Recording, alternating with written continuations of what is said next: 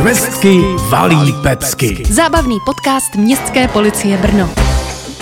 Píše se nový rok a s ním i nová epizoda jediného podcastu městské policie Švestky valí pecky. Nemyslete si, ani během vánočních svátků a oslav příchodu nového roku rozhodně nebyla nuda v Brně. A zatímco celé město hýřilo, strážnice a strážníci byli v pohotovosti. A opět se ukázalo, že to bylo víc než potřeba. Nebýt hlídek městské policie, trhy na Dominikánském náměstí by vypadaly o poznání smutněji. Přišli by o důležitou dekoraci. Dominikánské náměstí totiž lemovaly stromky v květináčích, kterým věnovala pozornost 19-letá žena a její o dva roky starší známý. Na záběrech z kamer to tak trochu vypadalo, jako kdyby byli na nákupu. Rukama z větví se třepávali sníh a střídavě mezi jehličnany procházeli. Proč to hned vidět tak tragicky? Chápu, na Dominikánském náměstí během vánočních trhů byla spousta lidí, fronty u stánku, tak si chtěli zkrátit cestu. My samozřejmě nikdy nikoho nechytáme bez důkazu, ale když si obsluha kamer všimla toho, že jeden stromek sebrali a přemístili ho několik kroků do ústraní, tak ještě o něco více spozornila. Ještě chvíli si sice prohlíželi jiný stromek, ale nakonec se vrátili k tomu původnímu, potom ho společně uchopili i s květináčem a odnesli ho směrem k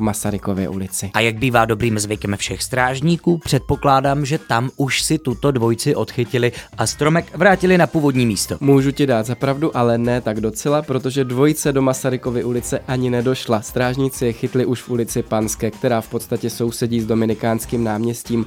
Strom potom mladý muž a mladá žena museli v doprovodu hlídky vrátit na původní místo, přesně jak říkáš. Oba přistižení potom zaplatili tisíci korunovou pokutu. A z Dominikánského náměstí se přesuneme na Zelný trh. Další místo, které láká během adventu nejen turisty, ale i nenechavé živly.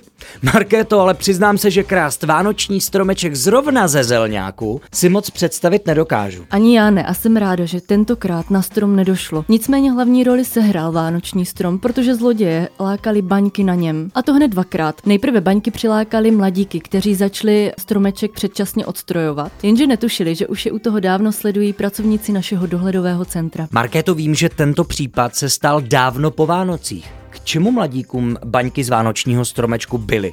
Vysvětlení bylo zajímavé. Strážníkům řekli, že holky chtěli baňky a tak šli, hráli si na hrdiny a baňky vzali ze stromu. Přemýšlím, jestli kamarádky chtěli skutečně baníky z vánočního stromečku, anebo tak, jak se na Valašsku říká, pozvání na panáka. Na to už se ale historie ptát nebude. Důležité je, že se baňkám nic nestalo, což se bohužel v tom druhém případě říci nedá. Nebyla to totiž jediná krádež baněk z vánočního stromku. Jen o pár hodin dříve tu totiž vánoční výzdoba zaujala další mladíky. Jenže jejich záměru si všimla ostrá a tak mladíci začali utíkat i s baňkami. Opět za nějakými kamarádkami? Tentokrát se o gentlemanský počin nejednalo a navíc chlapci při útěku baňky rozbili. Když si vzpomenu na své předvánoční nákupy, tak celá sada ozdob na vánoční stromeček stála kolem 900 korun. Krást dvě baňky na zelňáku v hodnotě tisícovky a ještě je při útěku rozbít, to se chlapcům asi úplně nevyplatilo. Tak už víme, že ani letošní vánoční svátky se neobešly bez výjezdu hlídek městské policie Brno. Ale jak to bylo během oslav příchodu nového roku? Oslavy sice byly docela poklidné, ale ani tak jsme se nevyhnuli jednotlivým excesům. Třeba na Moravském náměstí si naše autohlídka všimla muže,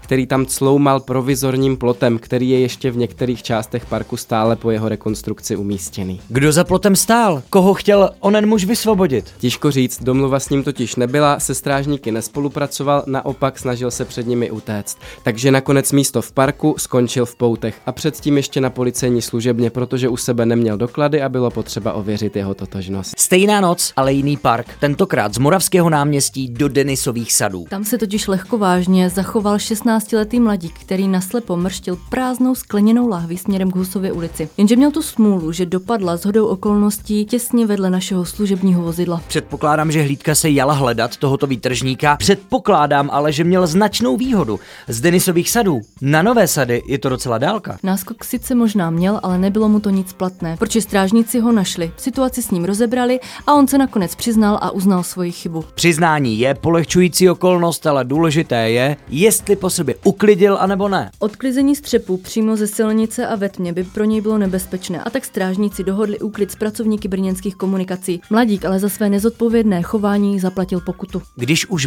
bilancujeme nad závěrem roku 2022, sluší se promluvit také o rekordmanovi loňského roku. Nejvyšší naměřená hodnota alkoholu v krvi byla v loňském roce přes 5,5 promile. A představte si, nechybělo mnoho a málem ho někdo překonal. Je pravda, Ondro, že při těchto hodnotách už se ten rozdíl může zdát poměrně nepatrný, i když je dělilo bezmála jedno promile. Muži, kterého našli svědci před nákupní galerií v úzké ulici, totiž strážníci naměřili bezmála 4,5 promile. I to je hodnota, která může být životu nebezpečná a vzhledem k tomu, že muž nemohl ani mluvit, ani chodit, přivolali k němu zdravotníky a ti ho po ošetření nechali odvést do nemocnice. Tohle už s bujarými oslavami příchodu nového roku nemá vůbec nic společného.